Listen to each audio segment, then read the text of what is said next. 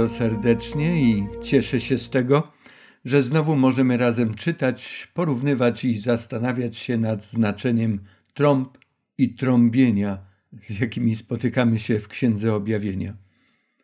Na poprzednim spotkaniu mówiliśmy o tym, że wizje związane z trąbieniem doprowadzają świat i jego mieszkańców aż do powtórnego przyjścia Jezusa Chrystusa, do przejęcia przez Boga całkowitej władzy nad światem i do zakończenia historii panowania zła na naszej planecie. Zanim powrócimy do tamtych myśli, proponuję udział w modlitwie. Skłońmy nasze czoła.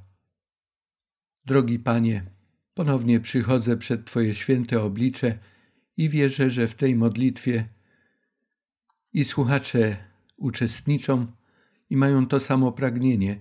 Chcemy, aby czytanie nasze było po Twojej myśli, abyśmy rozumieli to, co zostało napisane, abyśmy rozumiejąc zasady, jakimi posługiwałeś się i posługujesz w odniesieniu do przekazu tych ważnych prawd zawartych w Apokalipsie, że one będą dla nas zrozumiałe. Prosimy o Ducha Twego Świętego, który by kierował nasze serca, nasze umysły na to, co jest najważniejsze, na to, co jest przydatne również nam, tutaj i teraz. Proszę o to w imieniu Pana naszego Jezusa Chrystusa. Amen. Wśród większości interpretatorów Apokalipsy panuje zgodność co do tego, że wiele wizji przedstawionych w czasie trąbienia aniołów, podobnie jak wizje siedmiu pieczęci, doprowadzają historię do zakończenia. Zakończenia panowania na tej ziemi grzechu. A wiemy, że to nastąpi przy powtórnym przyjściu Pana naszego Jezusa Chrystusa. Jednakże, gdy mówimy na temat wizji wprowadzającej do trąbienia oraz o czasie rozpoczęcia wydarzeń ukazywanych w wizjach poszczególnych trąb, napotykamy różne opinie. Różni ludzie różnie komentują te teksty, które czytamy. Czy więc trąby rozpoczynają się tak jak pieczęcie tuż po ukrzyżowaniu Chrystusa? Czy w jakimś innym historycznie późniejszym czasie? A może stanowią one obraz wydarzeń mających dopiero nastąpić w samej końcówce historii świata? Takie i podobne pytania są podnoszone przez wielu czytelników tej księgi. Przypatrzmy się uważnie opisowi sceny wprowadzającej do trąbienia siedmiu aniołów apokalipsy. Spotkanie nasze nazwałem czas rozpoczęcia trąbienia, bo tym między innymi chcemy się zająć w tej chwili, gdy jesteśmy razem. W dalszym ciągu traktuję to spotkanie jako rozczytywania klucza do zrozumienia siedmiu trąb apokalipsy. I widziałem siedmiu aniołów, którzy stoją przed Bogiem, napisał Jan, i dano im siedem trąb. I przyszedł inny anioł i stanął przy ołtarzu, mając złotą kadzielnicę, i dano mu wiele kadzidła, aby je ofiarował wraz z modlitwami wszystkich świętych na złotym ołtarzu przed tronem. I wzniósł się z ręki anioła dym z kadzideł z modlitwami świętych przed Boga. Taka jest treść wierszy od drugiego do czwartego w ósmym rozdziale Apokalipsy. Jest to wprowadzenie do trąbienia. Gdy patrzymy na ten tekst, to dowiadujemy się o tym, że aniołowie, a jest ich tutaj siedmiu, otrzymują siedem trąb. Nie jest powiedziane od kogo. Zapewne któraś z istot niebiańskich przekazuje im te trąby. Pojawia się inny anioł, a więc nie z grona tych siedmiu, zatrzymuje się przy ołtarzu i on ma złotą kadzielnicę. Nie jest powiedziane przy którym ołtarzu, bo w świątyni były dwa ołtarze. Dano mu też wiele kadzidła, aby je ofiarował wraz z modlitwami wszystkich świętych na złotym ołtarzu przed tronem. Po raz drugi pojawia się słowo ołtarz, ale już ten ołtarz jest określony. To jest złoty ołtarz. Wzniósł się z ręki anioła dym z kadzideł z modlitwami świętych przed Boga.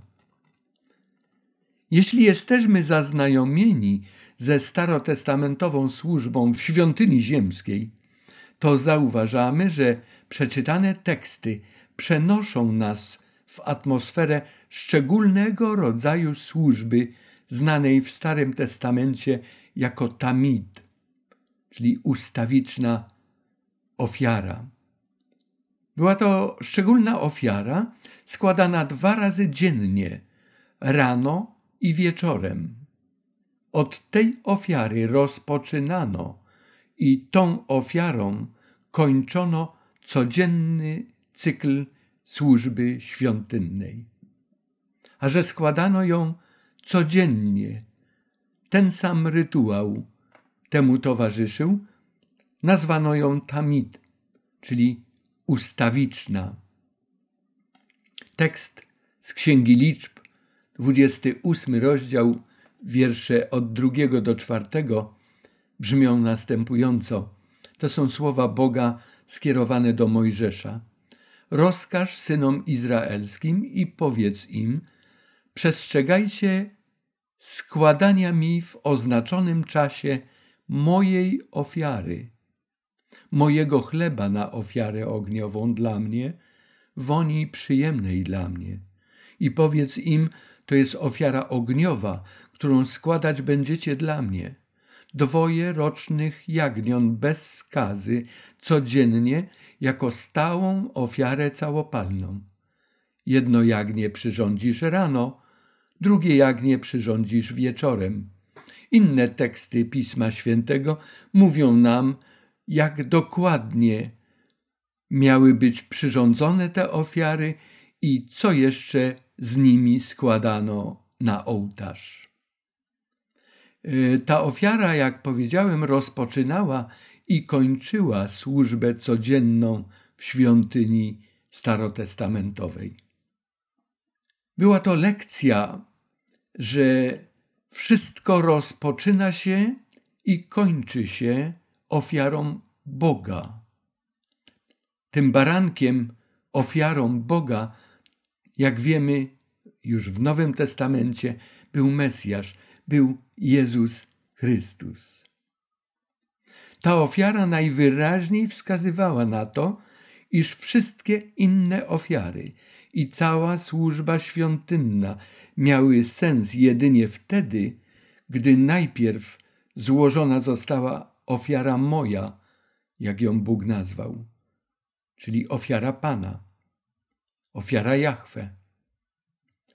Zauważamy tutaj przekaz tej prawdy, iż całe nasze życie i wszystko, co czynimy, ma sens jedynie w świetle działania Boga, w oparciu o to i w ramach tego, czego On dokonał, czego dokonał Jezus jako baranek Boży, który gładzi grzech świata.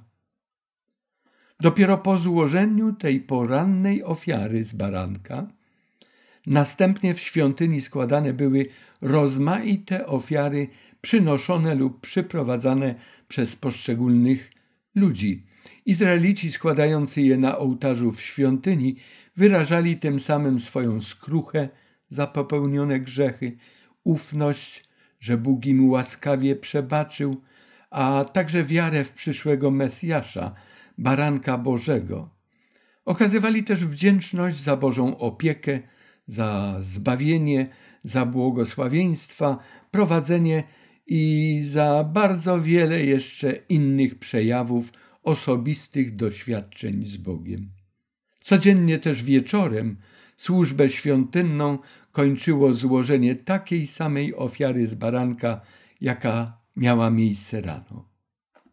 Na ekranie widzimy schemat kompleksu świątyni ziemskiej. Już kiedyś go oglądaliśmy, może nieco inaczej pokazanego, ale tutaj mamy go dostosowany do tekstu, któryśmy oglądali na początku.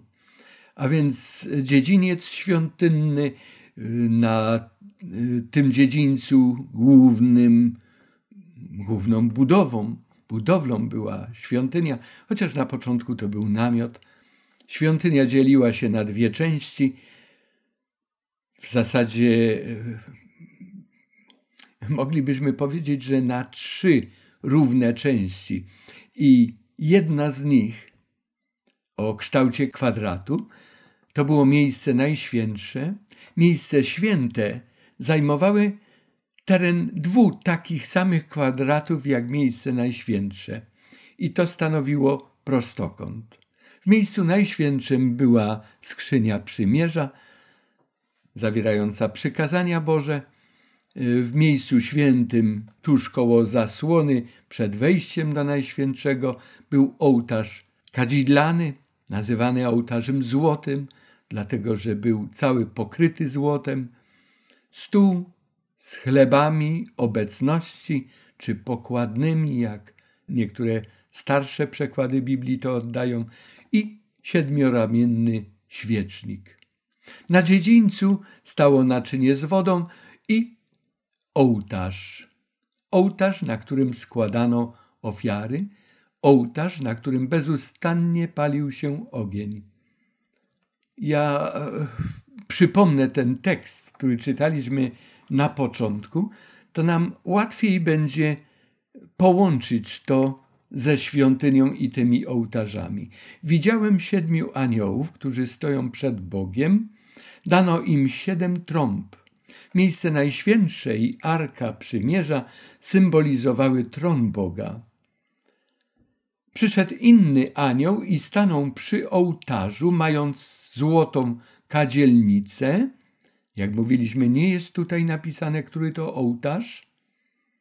Dano mu wiele kadzidła, aby je ofiarował wraz z modlitwami wszystkich świętych na złotym ołtarzu przed tronem.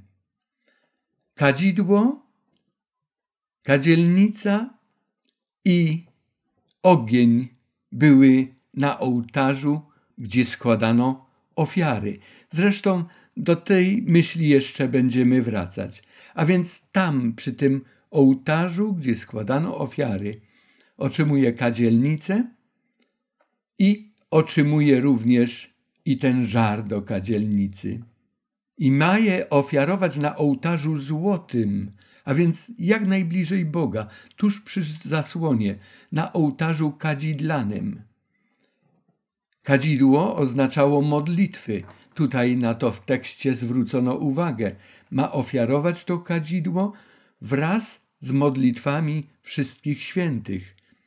Pamiętamy, o czym mówiliśmy na ostatnim spotkaniu? Że wizja trąb to wizja odpowiedzi Bożej na modlitwy, szczególnie tych uciskanych, tych męczenników Bożych, o których czytaliśmy w szóstym rozdziale i w wierszu dziewiątym i dziesiątym.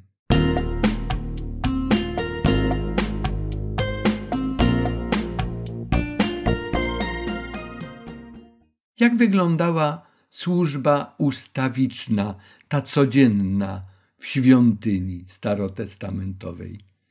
Rano kapłan otwierał świątynię, dokonywał wstępnych czynności przygotowawczych aby była gotowa i funkcje mogła swoje pełnić, a więc oczyszczał miejsce, oczyszczał świecznik, poszczególne lampiony, uzupełniał zapas oliwy i tak dalej, i tak dalej. Następnie składał tę ofiarę Bożą, o której czytaliśmy w Księdze Liczb w 28 rozdziale. Miał być składany baranek rano i baranek wieczorem. A więc tak jak się rozpoczynała rano służba, tak wieczorem się kończyła. I wtedy odzywały się trąby. w świątyni. Według tradycji żydowskiej było siedmiu kapłanów, którzy mieli trąby i gdy składana była ofiara ta Boża, ten baranek bez skazy, wtedy ten głos trąb się wznosił, bo zaraz, jak wiemy, miało nastąpić kadzenie. Kapłan otrzymywał kadzielnicę, ofiarował kadzidło. Ogień i kadzidło brał z ołtarza ofiarniczego na dziedzińcu, wchodził do miejsca świętego i wtedy panowała absolutna cisza i wyczekiwanie na to, co dziać się będzie dalej. Kadzidło było ofiarowane na ołtarzu złotym w miejscu świętym. W księdze kapłańskiej w szesnastym rozdziale, a również w Ewangelii Łukasza w pierwszym rozdziale znajdujemy te zasady i praktykę tych zasad. Kiedy to Zachariasz, ojciec Jana Chrzciciela, jest w świątyni i tam ofiaruje kadzidło, tam służy w tej świątyni, składa ofiary, a ludzie wokoło świątyni zgromadzeni modlą się. Modlitwy ludu zostają wysłuchane, kapłan wychodzi ze świątyni i błogosławi lud. O tym możemy czytać właśnie w Ewangelii Łukasza w 21 i 22 wierszu pierwszego rozdziału. Przypomnijmy sobie te modlitwy męczenników i Bożą wierność obietnicom, jakie zawarł w przymierzu. Widzimy tutaj symbol służby Jezusa Chrystusa w miejscu świętym w niebiańskiej świątyni. Kadzidło i ogień wzięte z ołtarza ofiarniczego na dziedzińcu to modlitwy świętych połączone z łaskami czerpanymi z ofiary krzyża oraz z pośredniczej służby Jezusa Chrystusa w niebie. To właśnie było również głównym tematem wizji w piątym rozdziale, kiedy Chrystus zostaje przyjęty przez niebo, kiedy Chrystus jest ogłoszony jako ten lew z pokolenia Judy, a gdy Jan rozgląda się, gdzie jest ten lew, to widzi baranka, jak gdyby zabitego. Jezusa Chrystusa, który jest godzien dzięki ofierze, jaką złożył na krzyżu Golgoty. A symbol tej ofiary właśnie był ukazywany codziennie w świątyni izraelskiej. Jezus Chrystus przejmie też księgę zapieczętowaną, będzie ją odpieczętowywał i tam w pewnym miejscu spotkamy się z tymi, którzy cierpią prześladowanie, ba zostali pobici tu na tej ziemi. Wtedy mówiliśmy też, że dziedziniec wokół świątyni był symbolem naszej ziemi. Tutaj na ołtarzu składane były baranki, tutaj na ołtarzu, inaczej Golgocie, umarł nasz Zbawiciel na tej ziemi. I krzyż Chrystusa stał się podstawą Jego pośrednictwa. Tam została zapłacona cena naszego zbawienia. Tak jak ołtarz w świątyni zawsze płoną, to znaczy nie ołtarz, tylko ofiary tam składane i paliwo. I jak dym kadzidła wznosił się w górę ze świątyni, już z miejsca świętego, tak miłość i wierność Chrystusa nigdy nie ustają. Ofiara Chrystusa powoduje, że Jego pośrednictwo stanowi centrum wizji tego wszystkiego, co działo się, gdy aniołowie zaczęli trąbić. Wizja wprowadza nas w samo centrum podstawy działania Boga, w pośrednictwo Jezusa na bazie Jego zbawiennej ofiary na krzyżu. Zwycięstwo Jezusa na krzyżu było także głównym tematem rozdziału 5. O tym przed chwilą wspomniałem. Dzięki temu Jezus mógł wziąć zwój i zdejmować z niego kolejne pieczęcie. Fundamentem wizji trąb to pośrednictwo Jezusa, a kadzidło to modlitwy świętych. Tak jak kapłan odbierał to kadzidło przy ołtarzu całopalenia, tak tutaj w tej wizji anioł odbiera je również przy ołtarzu i stamtąd one płyną, tam gdzie Chrystus oddał swoje życie. Ale jeżeli dobrze pamiętamy, to pod tym ołtarzem również były te dusze zabitych, które wołały prosząc o sprawiedliwą interwencję Boga. Pośrednictwo Jezusa Chrystusa stało się możliwe tylko dzięki temu, co stało się na krzyżu. Jezus może pomóc i pomaga tym, którzy należą do Niego. On uwalnia nas od naszych grzechów, od naszych win, sprowadza ze złych dróg, prowadzi drogą pewną, jaką sam wyznaczył, żyjąc na tej ziemi dla nas. Jezus jest też zainteresowany tymi ludźmi, którzy odeszli od Boga. Byli kiedyś z Nim, ale zerwali z Nim przymierze. Wieloma i różnymi sposobami będzie On działał także na takich właśnie ludzi. Jego plan zbawienia obejmuje każdego człowieka, w tym także mnie, Ciebie również. Anioł przenosi te modlitwy świętych właśnie z tym kadzidłem tam spod tego ołtarza, na złoty ołtarz przed tronem, gdzie modlitwy są przedkładane i wysłuchiwane przez Boga. I nagle dochodzi do zmiany, gwałtownej zmiany, drastycznej zmiany. Anioł bierze kadzielnicę, napełnia ją ogniem z ołtarza i rzuca na ziemię. I wtedy następują grzmoty, donośne błyskawice i trzęsienia ziemi.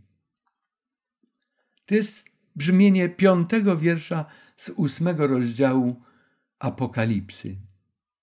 E, tutaj, patrząc na ten ekran, możecie zauważyć, że po słowie rzucił jest wskazanie zaimegion na ziemię. W oryginale nie ma tego sprecyzowania. I tutaj pozostajemy jak gdyby w domyśle, co anioł rzucił na ziemię. Kadzielnicę czy ogień, który wziął z ołtarza. W ogóle co to oznacza? Jeżeli kadzielnica służyła do tego, żeby ten dym kadzidła z modlitwami świętym przedkładać Bogu, czy to oznacza zaprzestanie tej służby? Służba kadzidła w świątyni to była służba pośrednictwa. Czy pośrednictwo Chrystusa w niebieskiej świątyni kończy się w tym momencie? A to jest bardzo ciekawy moment, bo aniołowie jeszcze nie zaczęli trąbić. Czy w czasie trąbienia nie ma już możliwości zbawienia? Czy to oznacza zakończenie pośredniczej służby w świątyni? To równałoby się z zakończeniem głoszenia Ewangelii o zbawieniu i zbawienia jako takiego.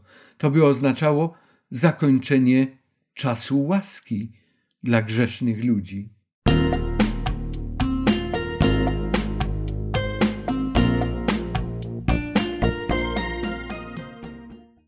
Istnieją w tym względzie dwa najbardziej znaczące poglądy i tymi chcemy się zająć.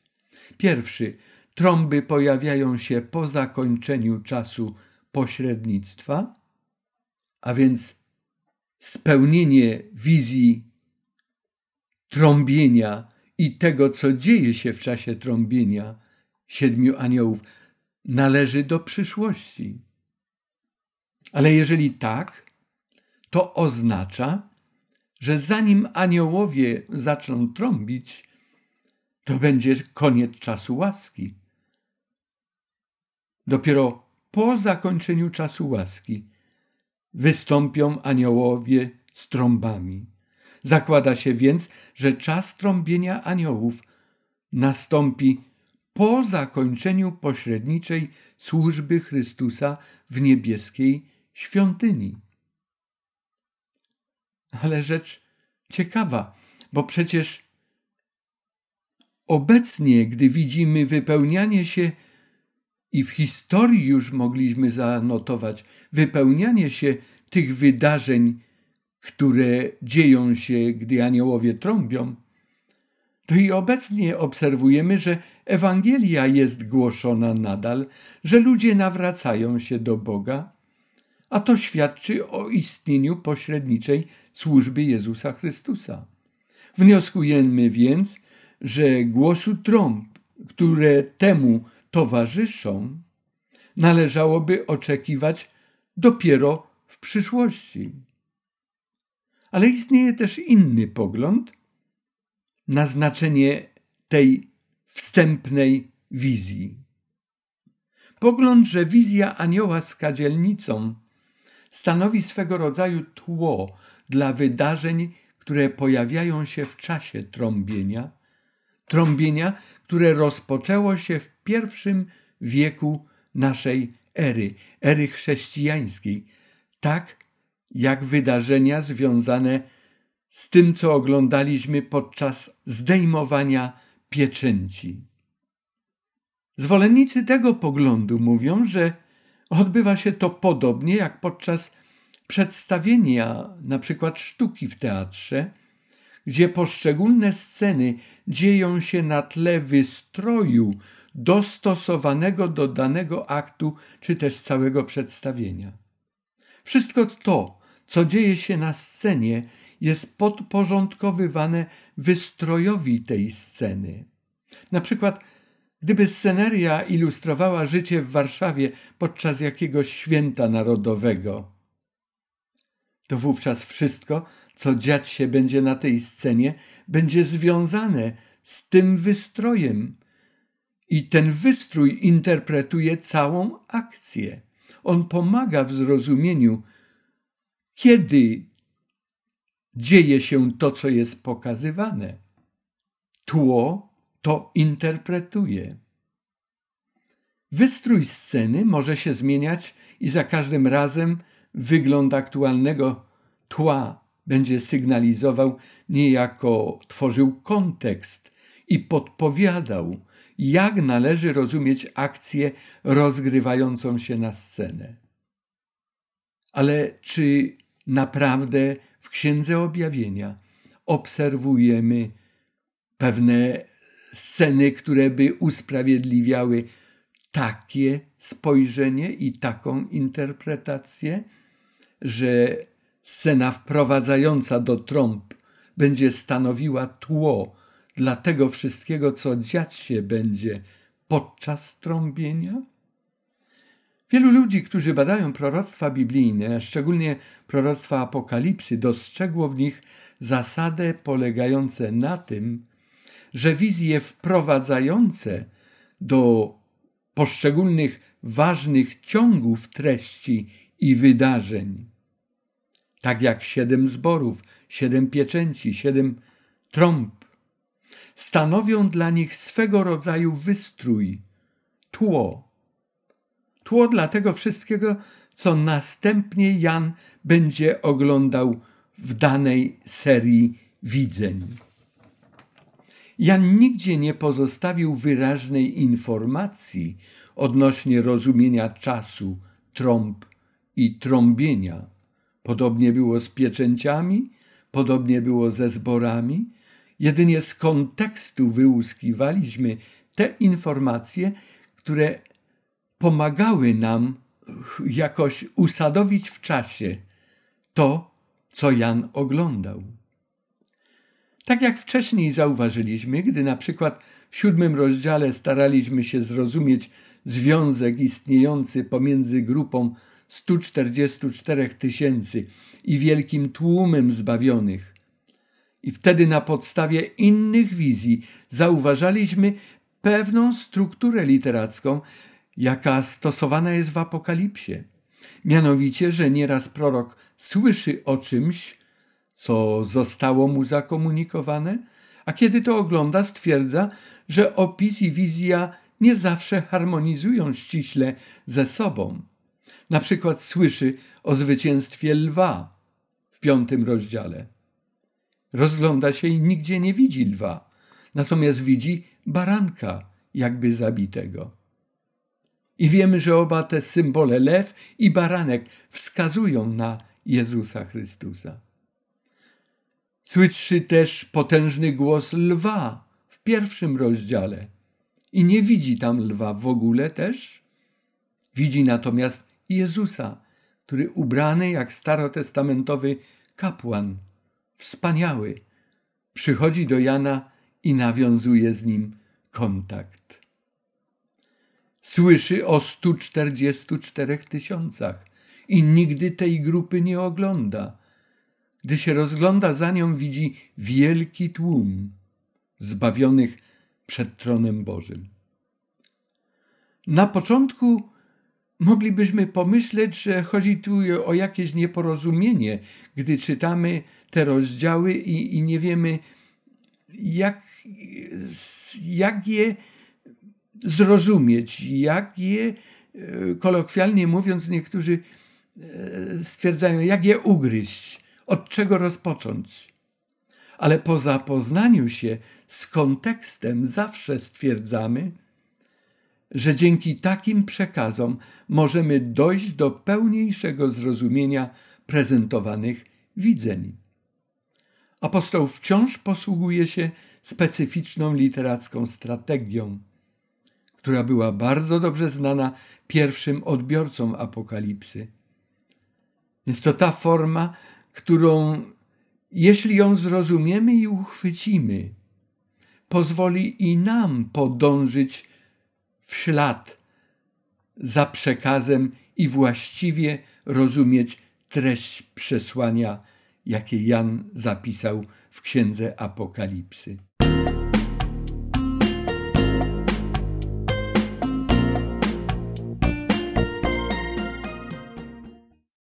Księdze Apokalipsy, jak wspomniałem, mamy takie przykłady tła wydarzeń, które towarzyszyć będą wizjom, jakie zaraz potem nastąpią. Pierwszy rozdział ukazuje nam wizję Jezusa. I okazuje się, że Jezus Chrystus, tak jak tam został przedstawiony, stanowił będzie treść dla wszystkich siedmiu listów do siedmiu zborów azjatyckich skierowanych. Chrystus każdemu zborowi przedstawi się inaczej, ale zawsze nawiąże do tego, co Jan opisał w pierwszym rozdziale, bo zauważył to u Jezusa Chrystusa, czy w jego ubiorze, czy w jego wyglądzie, czy w jego zachowaniu. A więc pierwszy rozdział jest tłem dla treści rozdziału drugiego i trzeciego, gdzie zawarto poselstwo do siedmiu zborów. Podobnie piąty rozdział, od wiersza piątego do czternastego, to jest wizja Jezusa jako baranka. Ale On i to, kim On jest, co czyni, jak troszczy się o historię, o swój lud, jak zdejmuje pieczęcie, aby zajrzeć do wnętrza tego zwoju, który jest zapieczętowany. Jezus Chrystus towarzyszy wszystkiemu i troszczy się o wszystko, co dzieje się w czasie zdejmowania tych siedmiu pieczęci. Podobnie ósmy rozdział, wiersze od drugiego do piątego, gdzie jest ta wizja służby ustawicznej. My wiemy, że to jest czas, kiedy już ziemskiej świątyni nie było. To była wizja już tego, co dzieje się w niebiańskiej świątyni, gdzie Jezus Chrystus jest naszym pośrednikiem, naszym arcykapłanem. To nie jest świątynia z tej ziemi, to jest świątynia, którą wystawił sam Bóg. Tło dla wydarzeń w czasie trąbienia siedmiu aniołów. To jest tło, z jakim mogliśmy się zapoznać w ósmym rozdziale w wierszach od drugiego do piątego. Spoglądając na te trzy przykłady, to każda z powyższych wizji stanowi wprowadzenie do obszerniejszych scen i obrazów, a zarazem jest tłem, na bazie którego dany obraz będzie wyeksponowany. Zauważamy, że każda wizja czasowo, dlatego że napisana jest na samym początku, wyprzedza jak gdyby opis wizji, które nastąpią. Ale też ta sama wizja, to samo tło przewijać się będzie przez to wszystko, do czego ona wprowadza proroka, czy wprowadza nas jako czytelników tego proroctwa. Tutaj w rozdziale ósmym od wiersza drugiego do piątego widzimy dokładnie to samo, co w poprzednich wizjach. Scena dotycząca pośrednictwa i zakończenia czasu łaski i służby na rzecz zbawienia grzeszników została przedstawiona na samym początku wizji siedmiu trąb. Lecz nie tylko to, ona na wskroś przenika je od pierwszej do ostatniej trąby. Pośrednictwo Jezusa Chrystusa i zakończenie tej służby, a to zakończenie symbolizuje sąd, koniec czasu łaski, przenikają wszystko, co się dzieje na tej ziemi w czasie trąbienia siedmiu aniołów. Pośrednictwo, łaska, sąd stanowią tło, stanowią wystrój tej dziejowej sceny, na której rozgrywają się tak ważne i tak dziwne wydarzenia następują. Dramaty. Zwróćmy uwagę też na to, że sąd i wyrok, niektórzy boją się sądu, drżą, gdy o nim pomyślą. One same w sobie nie są niczym złym. Sąd i wyrok może być nawet czymś bardzo pozytywnym, bardzo korzystnym dla nas. I tak jest w przypadku tych, którzy będą zbawieni. Gdy jesteś sądzony, możesz zostać ukarany albo usprawiedliwiony. Nie zapomnijmy, że jest to sprawiedliwy, święty sąd. Możesz tam być przeklęty lub błogosławiony. Krzywdy, które zaistniały, jeżeli ciebie dotknęły, mogą ci zostać nagrodzone. Albo, jeśli to ty wyrządziłeś zło, to musisz się z nim skonfrontować i ponieść konsekwencje. To nie zależy od sądu, lecz zależy od faktów, które są tam rozpatrywane. Pośrednictwo realizowane jest w obecności sądów i wyroków, jakie są dziełem ludzi, jakie są moim dziełem, Twoim dziełem. Ludzi, którzy dochowują albo łamią przymierze. Czy w samych tekstach opisujących owe wydarzenia jakie następują w czasie trąbienia, znajdujemy dowody na to, że wizja opisująca scenę zrzucenia kadzielnicy, ognia na ziemię, została zrealizowana jeszcze przed głosem pierwszych trąb? Zwróćmy uwagę na niektóre teksty. Wracamy do piątego wiersza ósmego rozdziału Apokalipsy. Anioł wziął kadzielnicę, napełnił ją ogniem z ołtarza i rzucił na ziemię. I nastąpiły grzmoty i donośne błyskawice i trzęsienia ziemi.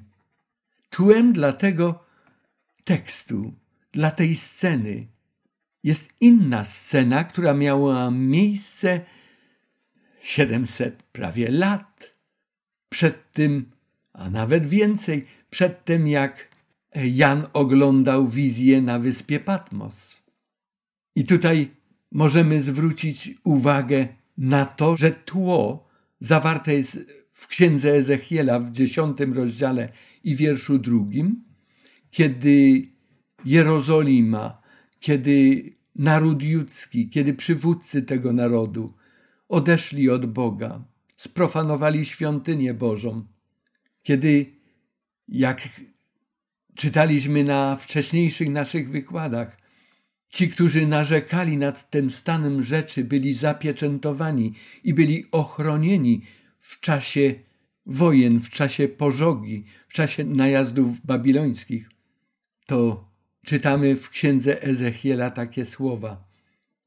Rzekł do męża odzianego w szatę, tak, wejdź między koła pod cherubami, napełnij swoje garście rozżarzonymi węglami spod cherubów i rozrzuć po mieście. A więc tutaj widzimy, że anioł miał rozrzucić ten żar, nie naczynie, w którym to miał, tylko ogień.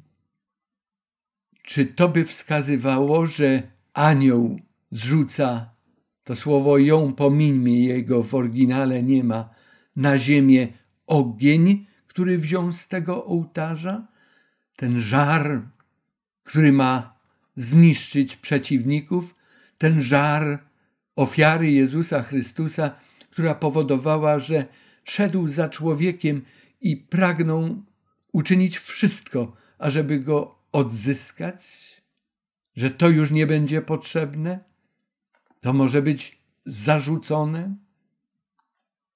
Mamy przed sobą teksty, które zwracają uwagę, że gdy pierwszy, drugi, trzeci, piąty, szósty anioł zatrąbili, to na ziemi pojawia się grad, ogień i krew, góra ziejąca ogniem, gwiazda płonąca jak pochodnia, dym jak z wielkiego pieca, ogień, dym, siarka.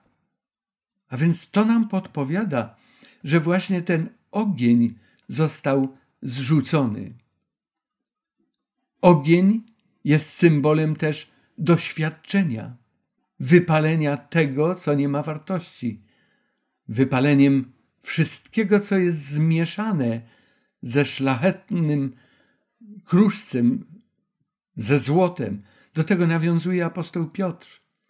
Czy to wszystko ma symbolizować, że w czasie plag jest jeszcze nadzieja na zbawienie ludzi? Czy jest tylko pożoga? We wszystkich trąbach znajdujemy świadectwa i sądu, i pośrednictwa.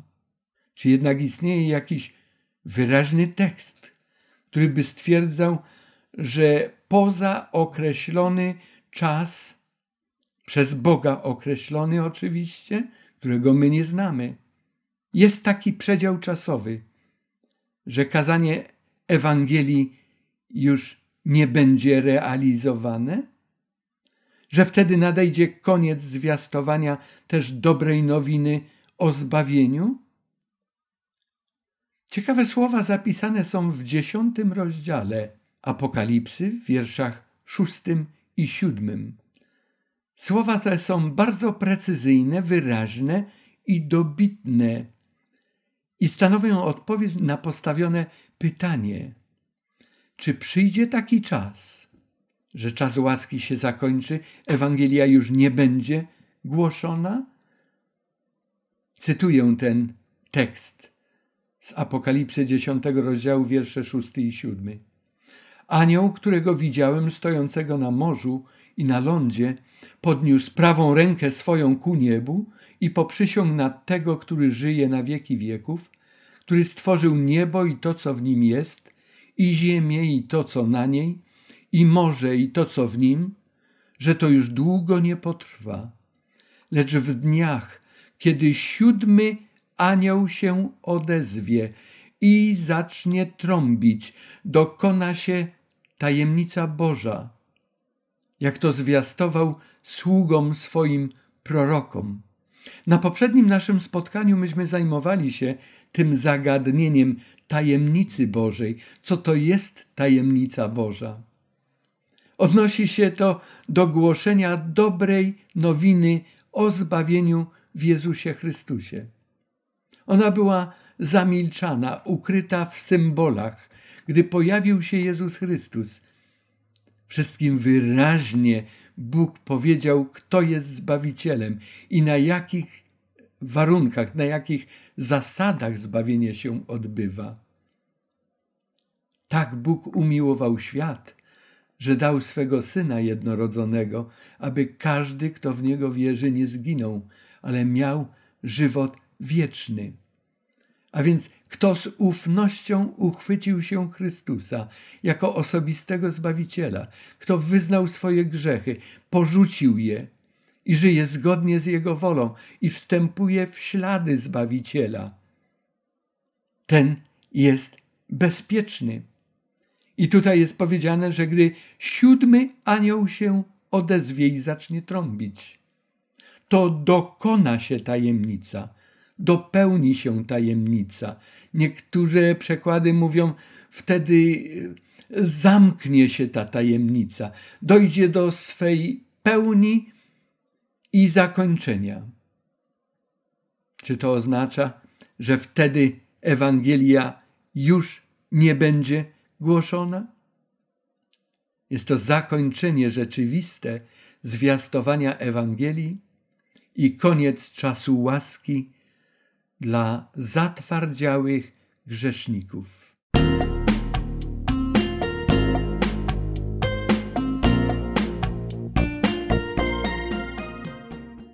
Y, Apokalipsa wróci jeszcze w różnych momentach do tego niezwykłego czasu.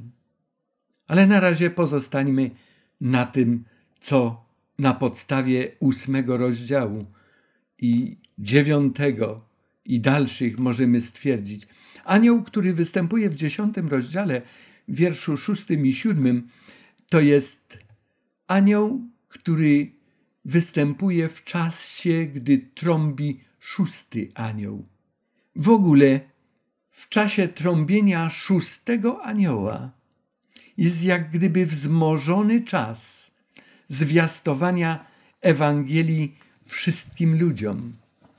Chociaż Ewangelia była głoszona przez cały okres. Czy w czasie trąbienia działa jeszcze łaska?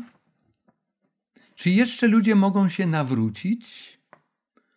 Czy ci, którzy cierpią z uwagi na różne nieszczęścia, mogą jeszcze do Boga powrócić? W dziewiątym rozdziale, wierszu trzynastym, czytamy, że odezwał się głos z czterech rogów złotego ołtarza. To jest bardzo ciekawe. Wspomniany jest ołtarz. Przy tym ołtarzu realizowana była służba pośrednictwa. Jeżeli w czasie głosu trąby anioła szóstego mowa jest o tym ołtarzu, że stamtąd wychodzi głos, to znaczy, że pośrednictwo funkcjonuje. W dziesiątym rozdziale, wierszu jedenastym, dowiadujemy się, że kazanie Słowa Bożego jest nadal realizowane. Jan słyszy ten głos z nieba, który poleca mu zjedzenie książeczek, jak kiedyś prorok Ezechiel zjadał takie księgi. Tak teraz Janowi one są podane. I słyszy głos: Musisz znowu prorokować przed wieloma narodami, językami i ludami czy o narodach, językach i ludach. Kazanie słowa jest nadal realizowane. W jedenastym rozdziale, w wierszu trzecim, czytamy o prorokowaniu dwóch świadków. Ciekawa to historia, dojdziemy do niej podczas naszych spotkań. W tym samym jedenastym rozdziale, w wierszu trzynastym czytamy, że w wyniku tego, co się dzieje, Wielu ludzi jest przerażonych i oddają Bogu cześć. Ktoś powie, co to za, co to za przerażenie i oddawanie Bogu czci, dlatego że ktoś się przeraził. Tak, Bóg nieraz doprowadza do takich sytuacji człowieka, aby począsnąć nim, aby obudzić jego sumienie. Gdy czytamy później czternasty rozdział, gdzie jest y, od wiersza szóstego do dwunastego ukazane trójanielskie poselstwo, to pierwszy anioł mówi: Bójcie się Boga i oddajcie mu chwałę, bo przyszła godzina sądu jego. A więc oddawanie czci Bogu powinno być realizowane w uniżoności, w bojaźni Bożej. To nie jest strach przed Bogiem, to może być przerażenie wobec tego, co się dzieje, ale jest to też bojaźń z uwagi na, na tę przepaść, jaka istnieje między mną grzesznikiem, a Bogiem, który jest Stwórcą, który jest moim Panem, który jest moim Ojcem. Być może dzisiaj ten stosunek i ta, ta, ten szacunek, o jakim tu Apokalipsa mówi, nie jest rozumiany należycie, bo dzisiaj dla dzieci bardzo często ojciec to jest taki Tadek, jak każdy Tadek z podwórka. Brak czci rodzicielskiej. Ale nie chcę o tym w tej chwili mówić. W dziewiątym rozdziale to wszystko, o czym mówimy teraz, dzieje się, gdy trąbi szósty anioł, a więc takie wzmożone, bardzo intensywne nawoływanie, głoszenie Ewangelii działanie na serca i umysły ludzi, aby zechcieli się ocknąć. Tam w dziewiątym rozdziale, w wierszu 20 i 21 czytamy, że wielu ludzi, mimo tego, co Bóg czyni, nigdy nie odwraca się od swoich uczynków, od swoich czarów, od czczenia demonów, kradzieży, bałwochwalstwa i wiele, wielu jeszcze innych grzechów, które tam zostały wymienione. Ludzie mają możliwość porzucenia grzesznego życia i oddania czci temu, który już wkrótce powróci. Ale chociaż istnieje taka możliwość ratunku, to przecież każdy człowiek posiada własną wolę. Każdy człowiek decyduje o sobie.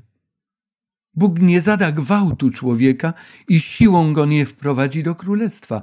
Bóg szanuje prawo wyboru każdego z nas i każdej z nas. On nigdy nie zbawia na siłę. Często na siłę ratuje nas z niebezpieczeństwa, wyrywa, ale zaprasza do zbawienia.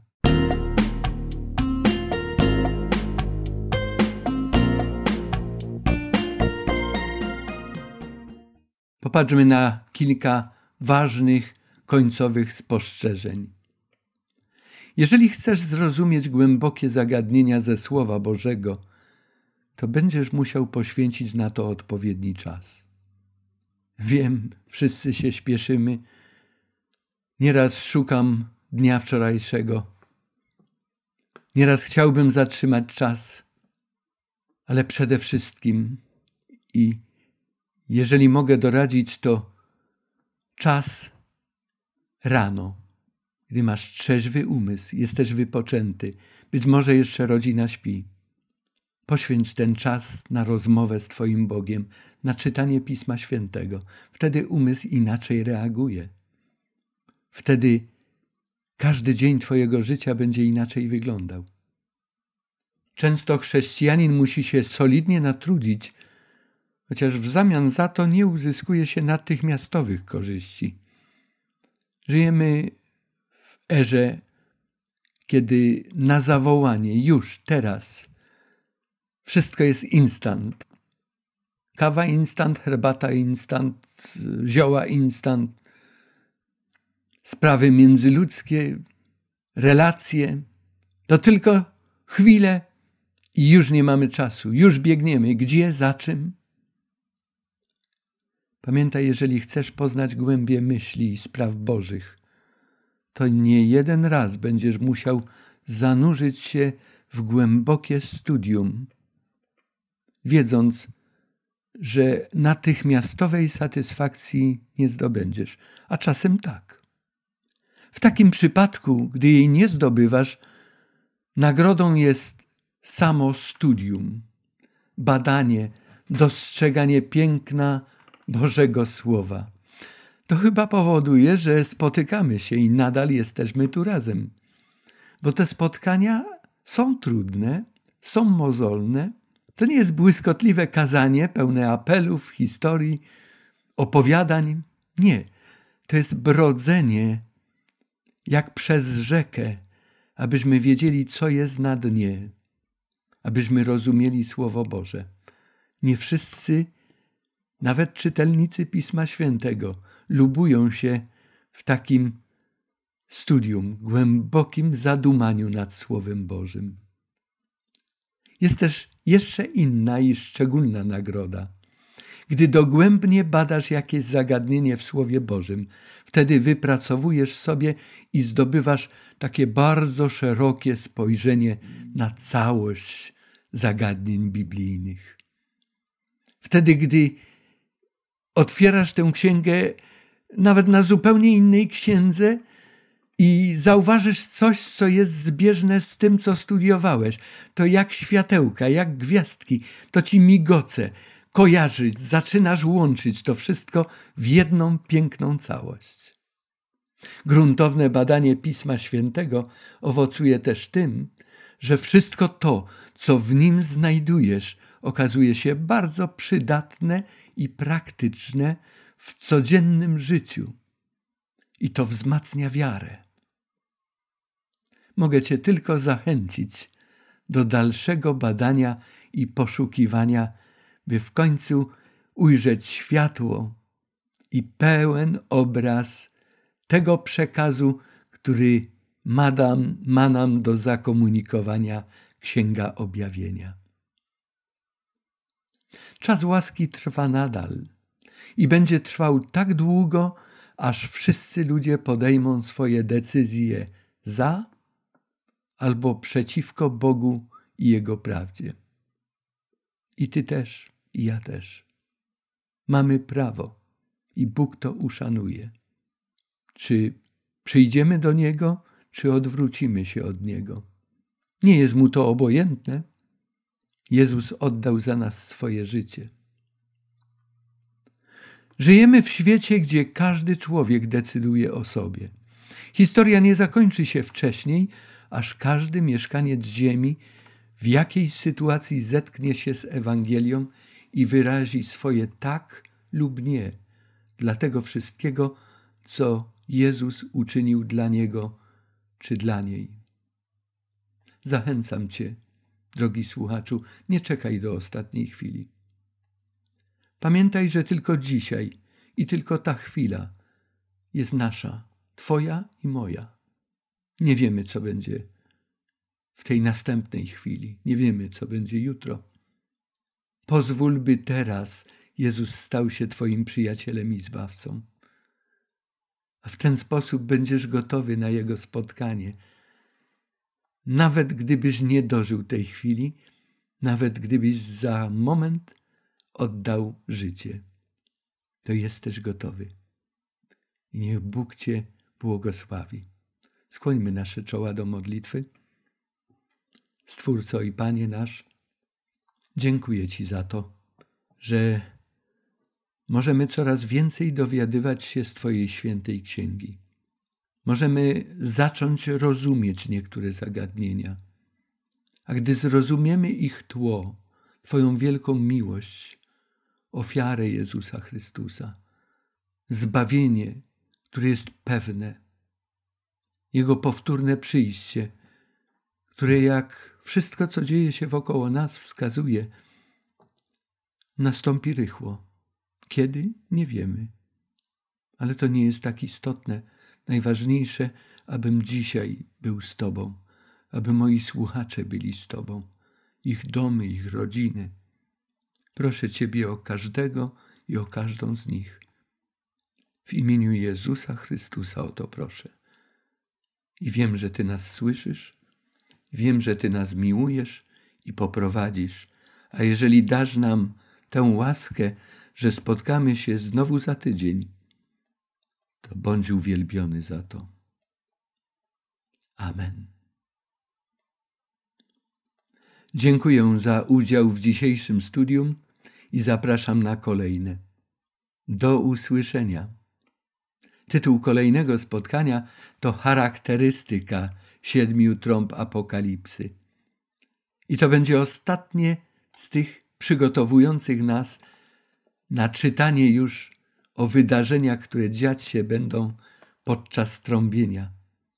Spotkanie. Charakterystyka siedmiu trąb apokalipsy. Proponuję, byśmy przed następnym spotkaniem ponownie przeczytali te rozdziały od ósmego do jedenastego w Księdze Apokalipsy. Tym sposobem przygotujemy się do kolejnego spotkania. Niech Bóg ma Was w swojej opiece.